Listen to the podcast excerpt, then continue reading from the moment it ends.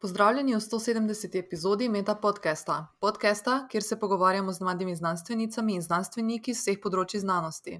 Ustvarjanje Meta podcasta in s tem komuniciranje znanosti s poslušalci omogoča Javna agencija za znanstveno raziskovalno in inovacijsko dejavnost Republike Slovenije. Danes je z mano Nec Petrišič iz odseka za molekularno biologijo in nanobiotehnologijo Kemijskega inštituta. Nec živijo.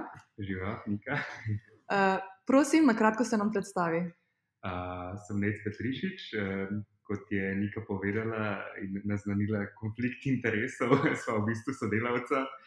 Um, jaz sem začel kakšno leto pred njo, drugače sem pa ja, doktorski študent, um, upravljam tukaj doktorsko nalogo na Kemijskem inštitutu in se v bistvu ukvarjam z um, eno od patogenih bakterij, Listerio monocitogenes, in v bistvu na molekularnem nivoju raziskujemo njene lastnosti in um, poskušamo najti neke načine, kako se bojevati uh, z njo. Nam lahko na kratko opišeš, kako si prišel na Kemijski inštitut, kako si sploh se odločil, da boš šel študirati biokemijo? Ja, to je v bistvu um, več uh, zaporednih dogodkov.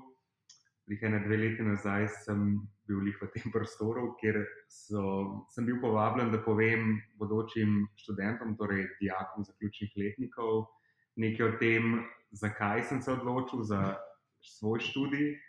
Uh, bili smo v bistvu v sklopu bioznanosti, torej smo imeli še eno farmacevtko, enega biotehnologa. Jaz sem v bistvu biolog po prvi stopni, pa potem biokemik po drugi.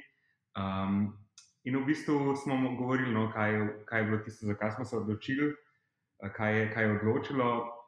Um, veliko dijakov je sprašvalo vprašanje v smislu, ali lahko delam na tem področju, če sem na tem študiju bioznanosti ali na drugem. Um, in kar sem jaz hotel sporočiti takrat, je, da v bistvu na koncu ni važno, no, kaj, si, kaj si v bistvu upisal, ali si upisal biotehnologijo, biokemijo, biologijo, karkoli. V bistvu dobiš na študiju samo neke. No, nauči se v bistvu razmišljati, nauči se delati. Zdaj, kakšne take podrobnosti eh, se jih tako zgubijo, in na konec konca lahko delaš kjerkoli in se z delom priučiš. No. Ja, to je ta lepota bolonskega sistema. Ja. Ko dejansko marsikdo še ni čisto ponotranil, da lahko totalno zamenjaš smer v drugi stopni in ja. potem te to ne rabi več definirati, kaj se odločiš pri 19 letih. Točno to.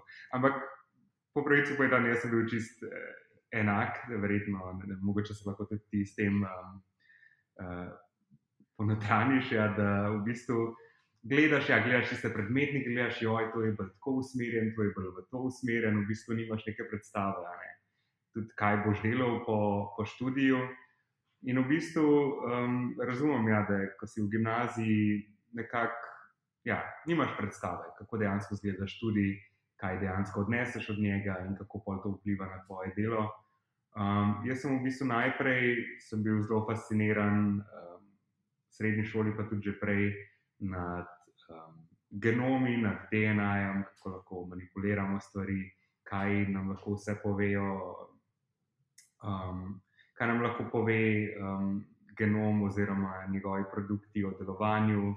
Um, Vseh živih organizmov, zelo me je zanimala evolucija. In v bistvu me je profesorica za biologijo na srednji šoli prepričala, pa mogoče pet raje študirati biologijo, ker je nek uh, bolj splošen študij, tebe pač veliko stvari zanima.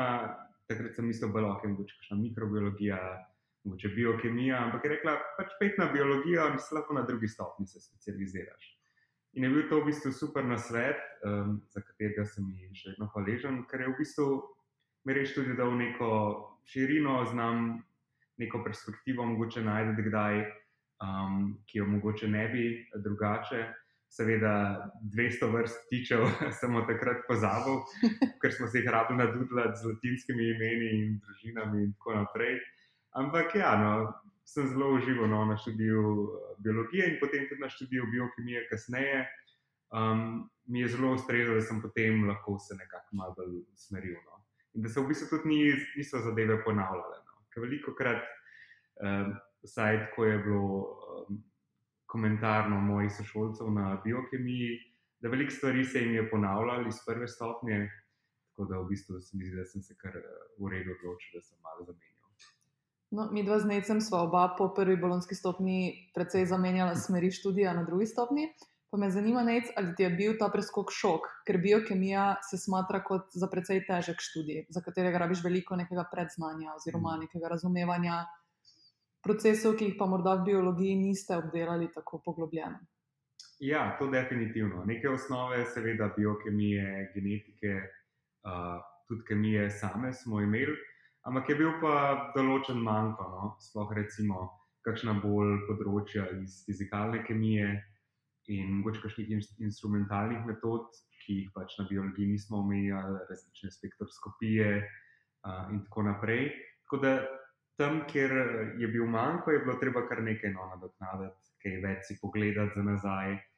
So se pa zelo o, trudili profesori in asistenti, da so, glede na to, da je v bistvu skoraj polovica nas je bilo iz drugih študijev, ne samo biologija, tudi biotehnologija, mikrobiologija, kozmetologija, jih je bilo kar nekaj, da so v bistvu nam tiste teme, ki jih nismo na prvi stopni, um, mogoče mi dovolj poznali, poslušali da so nam um, tekom seminarjev nekako približali kar nek dopolnilni pouk no, za, za, za tiste, ki smo bili na drugih študijih predhodno.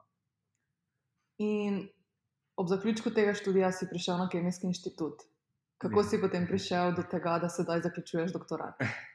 Ja, ta proces je bil kar dolg. Um, na biokemiji je tako, da v bistvu že v prvem letniku uh, druge stopne, torej magistrskega študija, začneš um, z svojim raziskovalnim delom, lahko, ki se potem razvija v magistrsko.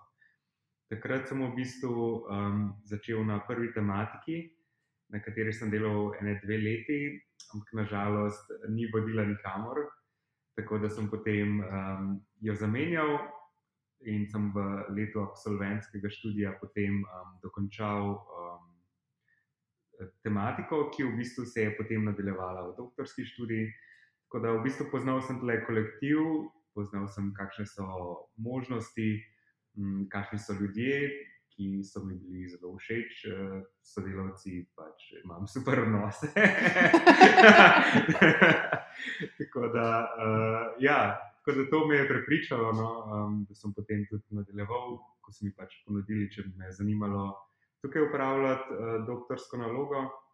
Um, tako da, ja, v bistvu ni bila preveč težka odločitev, vedel sem, kaj se spuščam, do neke mere, vsaj kar se tiče tematike, kar se tiče um, ljudi in opreme in metod.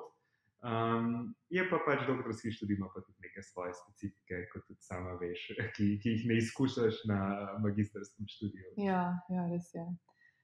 Ok, Nec je ravno par tednov nazaj objavil svoj članek uh, iz teme doktorske disertacije v precej ugledni reviji Nature Communications. Kaj bi rekel, kaj je bilo tisto, ki je najbolj prispevalo k temu, da je tvoj članek bil tako dobro objavljen? Jaz bi rekel, da v bistvu, poleg tega, da je to v bistvu neka kolumnacija šestih let dela, torej veliko je bilo res narejeno. No? Večinoma sicer iz moje strani, ampak tudi veliko so pomagali moji magistrski študenti tekom let. Uh, tako da v bistvu um, ni bilo spet samo izključno moje delo, ampak uh, se moram zahvaliti tudi vsem ostalim, ki so mi pomagali.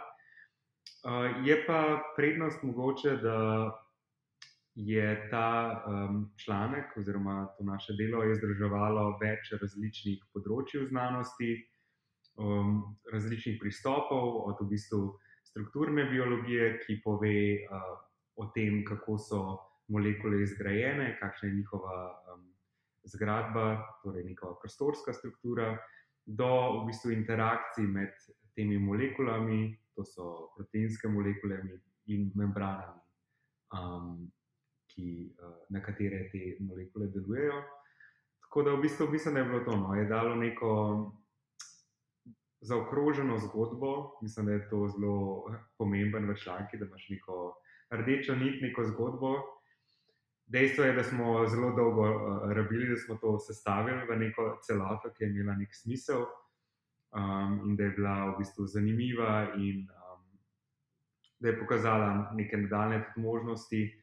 Um, ampak ja, mislim, da je to no, nekako raz, r, širok razpon med multidisciplinarnost. Ja, multidisciplinarnost in potem tudi neka zaključena zgodba, vsaj do neke mere. Um, se pravi, tvoja tema ima tudi veliko relevanco v zdravstvenem eh, področju. Nam lahko malo razložiš, kaj si sploh raziskoval? Ja, uh, seveda, ja, vedno, ko govorimo o neki porabi, dejansko je, so, so neke ideje, ampak ja, realnost je verjetno, da, da kot, že, kot sama veš, da mnogo vode rabi preteč, preden prideš do neke uporabe.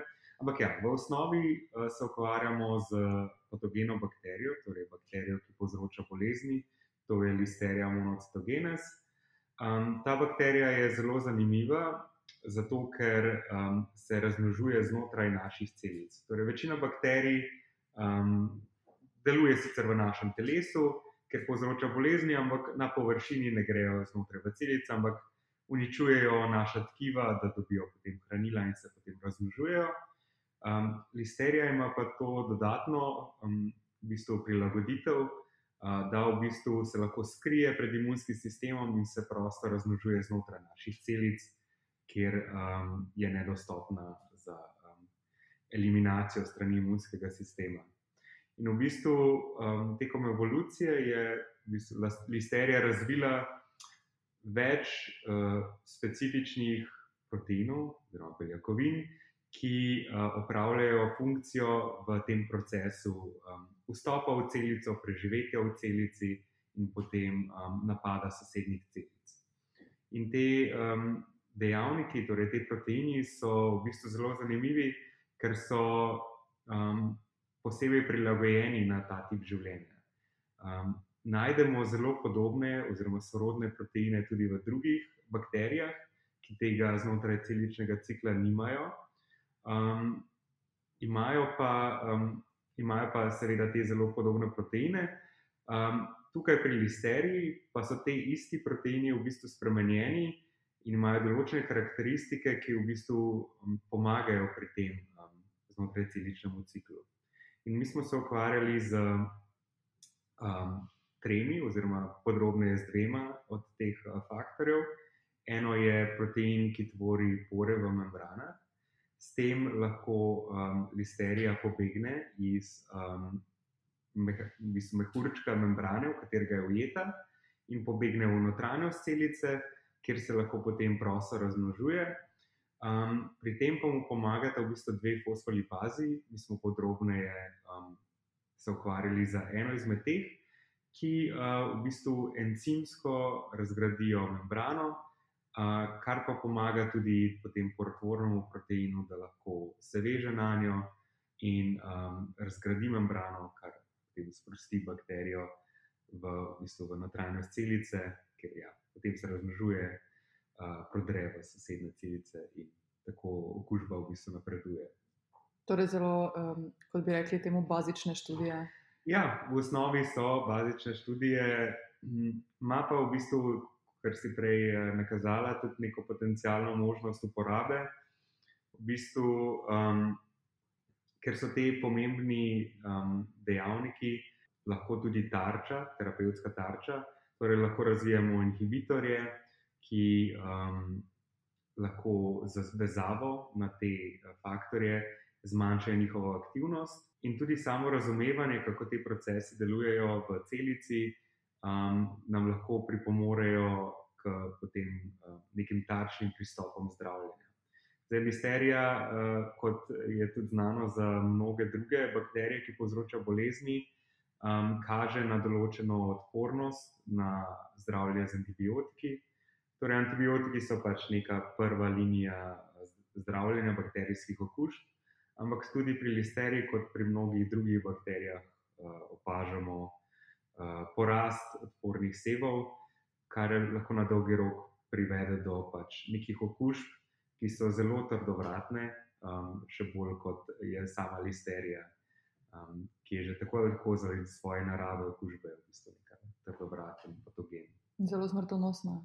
Ja, v bistvu um, je kot prvo, verjetno, ja, večina ljudi za listerijo oziroma listeriozo, ki je bolezen, ki jo povzroča, ni slišala ravno zato, ker je precej redka bolezen. Ampak v bistvu letno umre za listeriozo uh, ravno toliko ljudi kot za salmonelo. Recimo, mm. Salmonela vsi poznamo, ampak je precej benigna bakterija, povzroča sicer uh, neprijetne okužbe prebavil, ampak se zelo redko končajo s smrtnim izidom oziroma tudi s hospitalizacijo. Pri listeriji je to zelo pogosto. Poleg tega, da se razmnožuje znotraj celic, lahko prodre tudi v možgansko tkivo, prek možgansko-krvne barijere, ki je za večino patogenov nepremostljiva.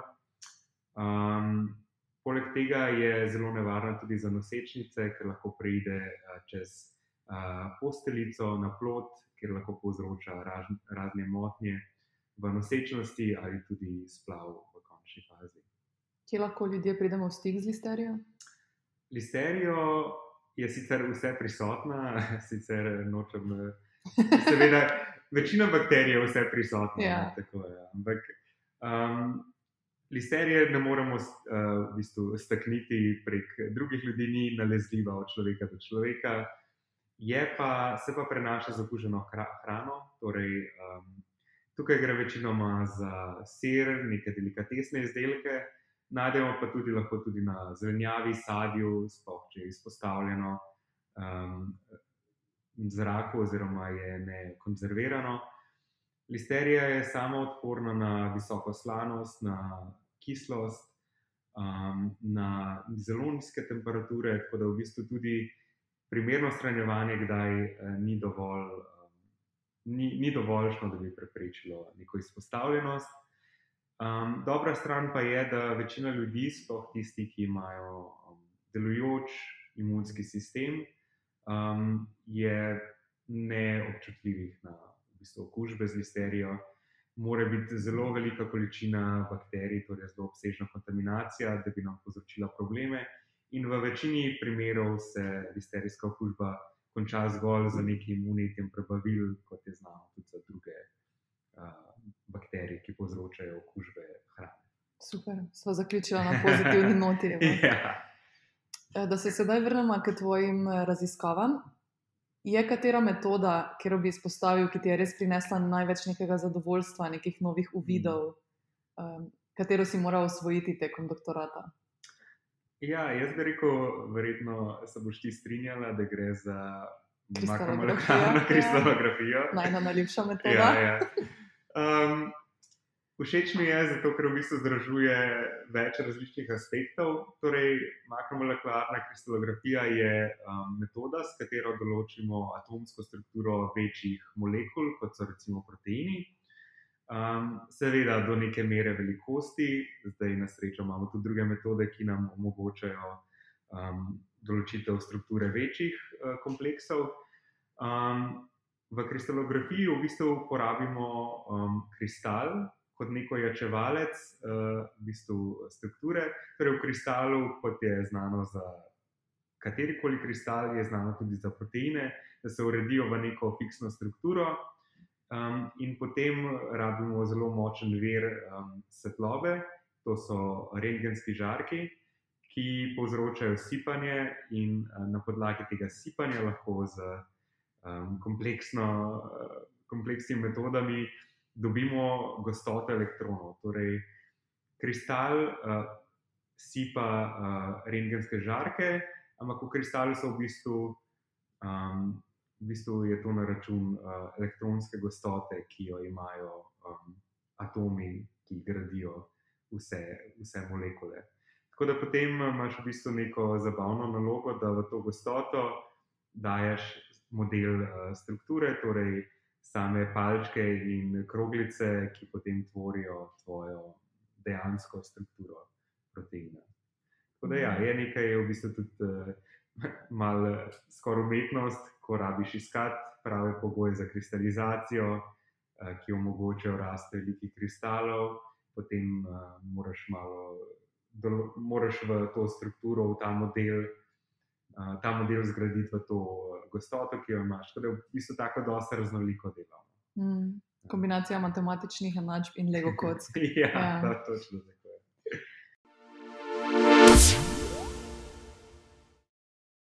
Bi drugim doktorskim študentom predlagal kakšno tehniko za upravljanje s časom ali pa računalniški program, ki ti pri tem pomaga? Hmm. Ja, jaz mislim, da najprej, kar je pomembno za kogarkoli, ki dela v laboratoriju, je, da imaš zelo razvidno vodeno evidenco eksperimentov in rezultate, kar se da sproti urejene.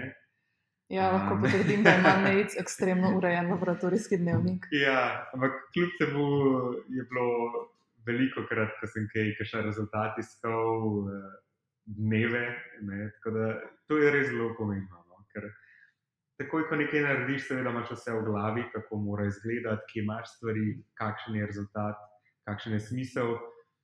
Potem pa enkrat, ko čez par mesecev se hočeš vrniti na to, če res nimaš vsega zapisano, ne, vsaj jaz sem tak, da vsega ne morem imeti v glavi in uh, je zelo pomembno, da imaš uh, zelo lepo vodeno laboratorijski dnevnik ali pa tudi uh, kakšen drug uh, način, kako evidentiraš stvari, ki jih delaš. Veliko časa sem med COVID-om porabil, zato da sem urejal te stvari. Tudi, um, in uh, definitivno ti to prihrani ogromno časa. Tako da potem na ta račun imaš potem časa za, za druge stvari v življenju, ki se ne rabiš s tem ukvarjati. Ampak kar se tiče tako, da imaš nek specifičen program, ne bi rekel, različno je. Jaz sem večinoma imel vse rezultate urejene od vsakega eksperimenta v Word, da teki. Nekateri sodelavci imajo tukaj kar v PowerPointu, kar je tudi super sistem, ker ti zelo omogoča, da hitro sestaviš stvari, ki jih rabiš. Tako da ja, vodenje evidence, vodenje dnevnika, mislim, da je to najbolj ključna stvar, ki jo moraš v bistvu že od začetka nekako spostaviti. Uh mhm. -huh. In se ti mogoče splača žrtvovati kakšen teden eh, dela, zato da to v bistvu vzpostaviš, da je potem sistem, ki ti funkcionira skozi vsa štiri ali več let eh, doktorskega študija. Priporočilo za knjigo, igro, film, spletno stran ali podcast. Ha, no, knjig imam kar nekaj, uh, ki bi jih priporočil. V bistvu, ja, sicer je odvisno od obdobja, no, v enih obdobjih zelo veliko berem, od čist takih, eh, večinoma zadnje čase res berem samo um, leposlovje, torej fikcijo.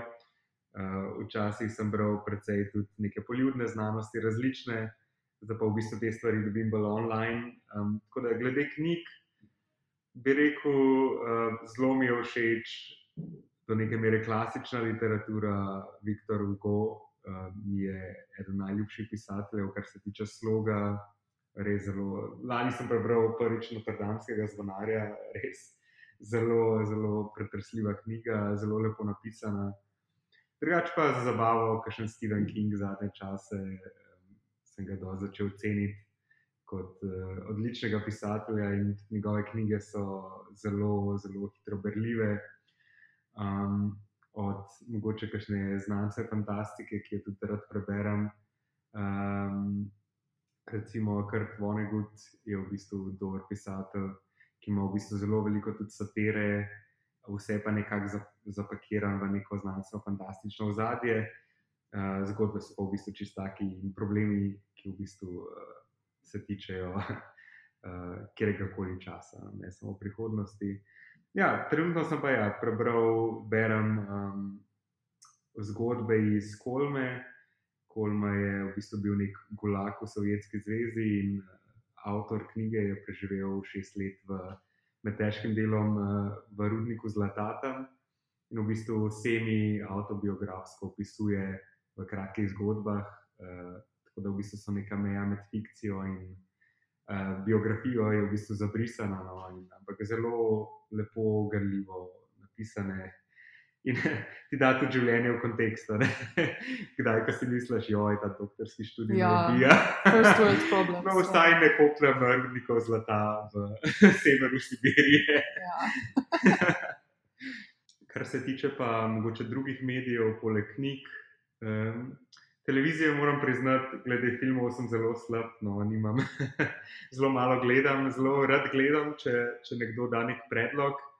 Um, kakšno serijo prej pogledam, zelo mi je bil všeč v bistvu Expanse, ki je neka znanstvena fantastična serija. Všeč mi je uh, Office, pisarna, Seveda, ki jo lahko gledam vsako leto ja. znova. Uh, Sploh, ko enkrat začneš dejansko delati, ko hodiš v službo, je veliko več stvari, s katerimi se lahko uh, poistovetiš. Ja, se mi ja. zdi, so take situacije, ki je, ni, nima, ni, ni razlike, ali delaš v. Um, Firmi, ki se ukvarja s papirjem, ali, Ali pa kjerkoli drugje, ja. Ja. Koga od nam znanih ali neznanih bi povabil na večerjo, če ne bi bilo nobenih omejitev? Hmm. Ja, v bistvu to sem nekaj razmišljal o tem, ker, sem imel. Um, kako to zrezlo ven. Torej, ja, jaz bi rekel, da um, meni je zelo velik vtis pustil um, angliški komik, pisatelj, igralec, TV voditelj Steven Fry. On je v bistvu širši javnosti mogoče najbolj znan, um, da je v bistvu um, glas v knjigah Harryja Potterja, torej audio knjigah v angleščini. Tako v bistvu večina ljudi vsaj pozna njegov glas, če ne eh, njega kot osebo. Ampak on je ogromno um, zanimivih oddaj tekom let produciral. Zelo všečna meni oddaja je bila um, QI, Quite Interesting, ki je v bistvu zasnovana kot kviz, kjer v bistvu je on kot voditelj in potem ima štiri, v bistvu večinoma so komiki ali pa igravci. In potem govorijo o vseh splošnih stvarih, od zgodovine do znanosti, geografije, uh, literature, na tak zelo smešen način. V bistvu veliko takih zanimivih dejstev zveš, veliko širine dobiš. Um, in je v bistvu zelo tak, uh, zabaven in tudi zelo poučen šov, uh, ki, ki, mi je, ki mi je zelo v bistvu ostal v spominu. Kje ga Je- lahko gledamo? Jaz ga gledam na YouTubu. Ah, okay. Tako da ne, ne, ne rabiš iti na Piratske mreža. strani, Mislim, da je do neke mere prosto dostopen. Zdaj je sicer voditeljica druga, da tudi, tudi ona je zelo um, zabavna, tudi eh, njene, njene epizode sem gledal. Um, ampak ja, je zelo tak, je tudi aktivist, veliko se ukvarja z problemi v, v svetu, od, um, od različnih težav, ki ga recimo LGBT skupnost ima, po, od Rusije do Bližnjega vzhoda, do religije oziroma v bistvu ideoloških tem, tudi tega se zelo dotika uh, v svojih dokumentarnih delih.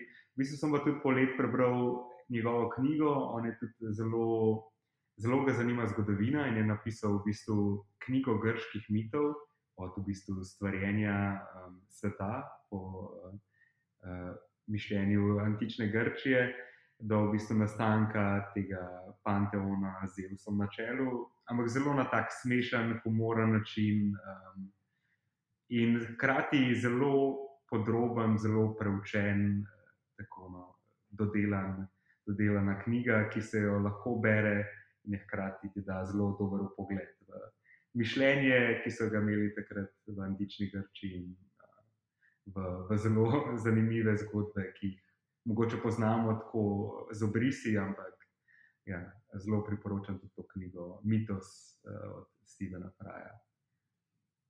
Okay. Kakšni so tvoji predlogi za izboljšanje oziroma posodobitev doktorskega študija? Hmm. Ja, sam doktorski študij je v bistvu zasnovan tako, da večinoma je tvoje raziskovalno delo, kar je glavni smisel in je to tudi pomemben del. Tako da ta del je, je dobro zasnovan. Mogoče bi pa dal vel, večji poudarek uh, na predstavljanju um, nekih rezultatov, na predstavljanju um, uh, ne samo sebe, ampak ja, Torej, komuniciranju, Komuniciranju na v znanosti. Mhm. Se mi zdi, da ja, v prvem in drugem letniku imaš neke predmete, ki so lahko tudi samemu sebi namen, odvisno od no, kaj je. So lahko bolj ali manj uporabni in bi bil lahko velik poudarek na tem. Ker se mi zdi, da vsak znanstvenik, uh, in tudi če potem greš v neko drugo področje, pač vedno rabiš predstavljati sebe, svojo znanost, svoje delo in tudi um, na poljuden način, in tudi na strokoven način. Tako da mogoče na ta poljuden način je še teže, ne? zato ker s tem imamo precej manj izkušenj. Imamo veliko konferenc, kjer rabiš predstavljati znanstvenikom stvari. Máš pa v bistvu zelo malo priložnosti, vsaj večinoma, da bi v bistvu lahko širši javnosti mm. predstavil stvari.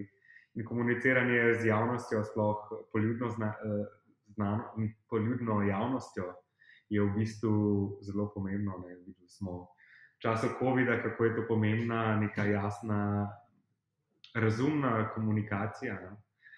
In uh, mislim, da tukaj je nek manjko, no. neko več poudarka na mogoče komuniciranje. Ker ja, znanstveniki smo večinoma navajeni pisati stvari, članke, doktorat in tako naprej. Mal nam pa manjka tega, teh mehkih veščin, ki se jih ne da pogooglati, tako kot se da marsikatero metodo pogooglati in naučiti. ja.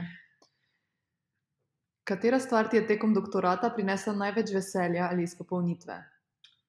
Zdaj, mogoče ja, če je en dogodek, ki bi rekel, ja, je verjetno malo kliše ali pa malo nezanimivo, ampak ja, pač to objave članka.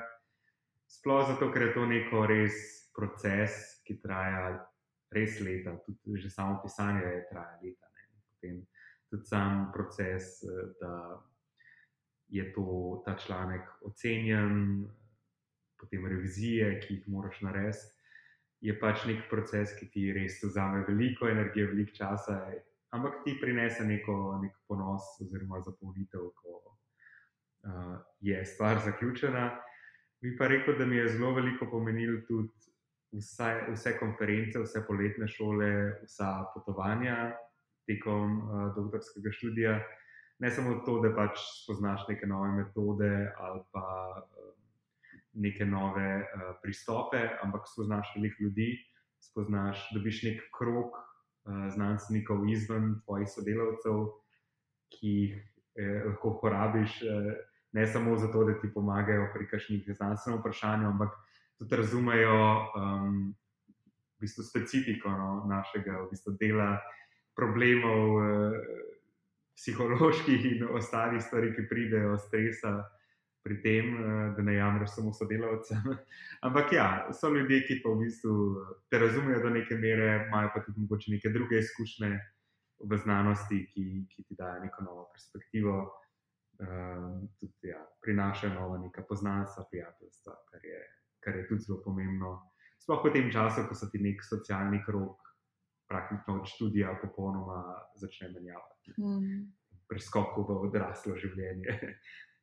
Uh, ti si drugačen eden izmed najbolj um, prolifičnih tekočih govorcev na našem oddelku, vsaj po mnenju mnogih. Uh, pa me zanima, ali je tudi tebi, ko si imel svoj prvi govor na konferenci, imel si že kar nekaj tekom doktorata, ali si imel veliko tremo? Hmm. Jaz bi rekel, da trema vedno je.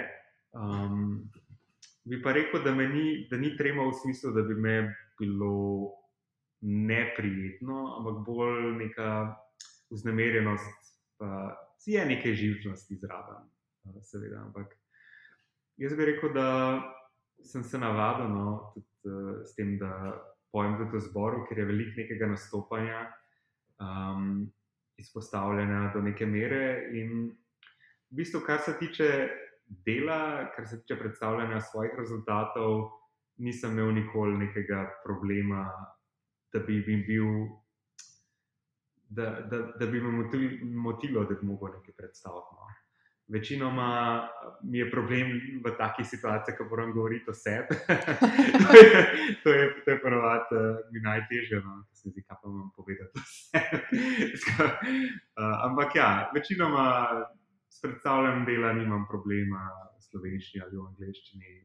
Um, uh, ja, ampak veliko mi je dalo ravno to, se mi zdi. Zbor, ne samo zaradi nastopanja, kar je tudi pomemben faktor, no, da, neko, da gre nek strah od nastopanja vsaj na neko obvladljivo raven, ampak tudi mogoče kako ravnati z glasom. Kako, um, na, imeli smo v bistvu par let nazaj, no par let, za božene, štiri leta nazaj, smo imeli dejansko zbor na Kemijskem inštitutu. In nas je vodil eden um, od takrat, je bil še doktorski študent, um, ki je imel izkušnje z bori. Um, in on je zelo poudarjal to, da je tudi v znanosti in v predstavljanju rezultatov pomembno, kako govoriš, kako, kako razločno govoriš, kakšno intonacijo imaš. In on je tudi to zelo pra prakticiral, da mislim, da je predavatelj na FKT-ju. Um, in se mi zdi, da ja, pomembno je, da znaš operirati ja, s svojim glasom, da si razločen, da si jasen. Um, ker to zelo veliko pomeni. Prejšnji teden smo imeli delavnico o komunikaciji, kjer je, kjer je velik predavalca povedala, kako zelo pomembno je v bistvu in glas, in uh, motorika, ki jo imaš zraven. V bistvu. In konec koncev, če si na neki konferenci, kjer imaš deset predstavitev, deset predavanj na, na dan od drugih, nekako moraš uh, prepričati ljudi, da te poslušajo. Mm -hmm. In že to, da pač jasno in razločno govoriš, je v velikih primerih dovolj. Ja. Se mi zdi, ker, ne vem, kakšne so tvoje izkušnje, ampak ja, men, ko, ko slišim nekoga, ki je zelo tak nesuveren, bi rekel, um, retorično. Bi rekel, lahko so zelo zanimivi rezultati, ampak kdaj zelo sl težko slediš. Se ja, zdi. se strinjam. Ja. Ja. Se strinjam. Ja. Če bom raje šlank prebral. ja, ja, ja. Ja, ja, prejšnji teden smo imeli na kemijskem predavanju od Polone Požgan o komunikaciji, in oba z necem sva se odeležila. In, ja, moram reči, da sva očitno oba ugotovila, kako lahko neke male nianse in intonaciji in vkretnja vplivajo na tvojo pozornost, v bistvu na tistega, ki razlaga. No, evo, zdaj se lahko naveževa že na tvoj zbor.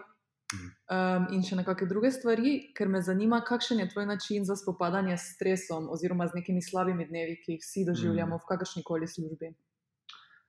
Ja, jaz bi rekel, da na splošno sem precej flegmatične sorte, kar, kar je zelo dobra ja, vrlina do neke ja. mere. Ja. do neke mere. Sploh, ko prideš do, do nekih stresnih uh, obdobij v svojem življenju ali pa tudi delu.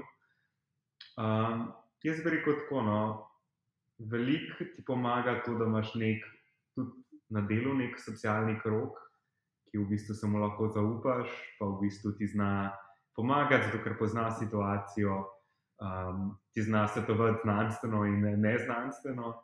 Tako da to je zelo veliko. No. Tako da pač to prinese dosti več, kot bi si mislil. Um, drugač, kar se tiče drugega spopadanja s stresom, ja, aktivnosti, sploh športne aktivnosti, nekaj se ukvarjam s plezanjem, jogo, badminton, kolesarjenje, pohodništvo. To odnese zelo veliko se mi zdi, da kdaj se mi zdi, da sem ja, skozi neki stres, pod stresom, nervozen in pa v bistvu, kot jim ja, v bistvu ta teden nisem bil, nisem bil več preveč aktiven, ker je bilo slabo vreme ali pa ja, sem bil neki prehlajen. In mi je v bistvu samo neka aktivnost fizična manjkala. V bistvu, ni, ni se sam stres povečal, ampak mi je um, v bistvu manjkalo nek, nek ventil. Ja. Nek ventil ja, tako da, da se tega lotiš. In tudi, ja, pevski zbor je pač neka bolj taka kreativ, kreativna aktivnost, ki tudi na svoj način v bistvu pripomore. In um, kot sem prej rekel, ja, zaradi veščin, ki jih dobiš, kako uh, operirati z glasom, kako manevrirati z tremo, ki jo imaš. Pa, um, ja, in je tudi kot neka aktivnost, ki te v bistvu da preklopijo tvoje možgane no, na nekaj drugega uh, izven službe. Tako da v bistvu je, je zelo dobro komplementira um, znanstveno delo, bi rekel. Uh mhm. -huh. Če bi lahko bodoči doktorantki oziroma doktorantu dal en na svet, ki si želiš, da bi ga prejel sam, kakšen bi bil? Ha, jaz bi rekel, da ne se vzeti preveč resno, ne se imeti stvari preveč k srcu. Konec koncev, Ja, za večino ljudi je to neka prva zaposlitev. Um, je tudi obdobje v drugi polovici svojih 20 let, ki se veliko stvari v življenju spremeni in so izzivi na, na vseh področjih življenja. In kdaj pač se ti zdi, da je pač, ja, delo tisto, ki te definira, da so neuspehi med delom tisti, ki ti pač definirajo in da, da je to potem vzameš preveč osebno, kakšno stvar na koncu koncev v znanosti je tako. Pač. Nekaj je odvisno od sreče, veliko je odvisno od ustrajnosti. Um, ne smeš si imeti negativnih rezultatov v srcu, ker take stvari te potem dosti hitro dotovčejo in uh, je potem postane delo pač grozno. Um, moraš kdaj si vzeti neko distanco, reči, prekinati malo, reči, ok, sem k tej zadevi vrnil kasneje, um, se loti česa drugega, se pogovoriti s kom. Tako da, ja, ne, ne, ne se vzeti preveč resno, ampak um, biti mogoče malo distanciran, kdaj od dela. Kar je, valjda, težko. Ja. Sploh zato, ker preživiš več kot 8 ur, večinoma na delovnem mestu, in uh, je kdaj preveč težko odklopiti od uh, situacije.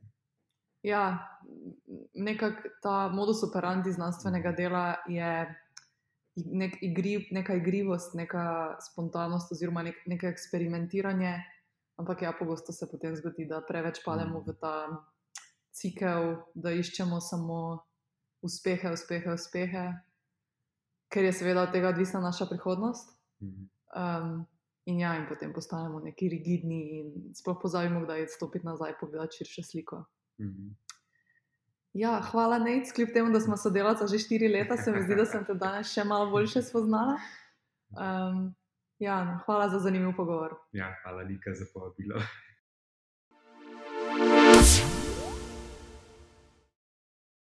Poslušali ste Meta podcast, podcast, v katerem se pogovarjamo z mladimi znanstveniki in znanstvenicami iz različnih področji znanosti. Podcast domuje na spletišču metina.lista.si, kjer lahko najdete tudi druge poučne vsebine. Naše delo lahko podprete z donacijami Metini listi, pohvale, pripombe in predloge lahko posredujete na e-mail znanost.afnametina.si. Dobrodošli so tudi komentarji na Facebook profilu Metine liste in na Twitterju afnametina.lista, kjer uporabite hashtag metapodcast. Se slišimo čez 14 dni.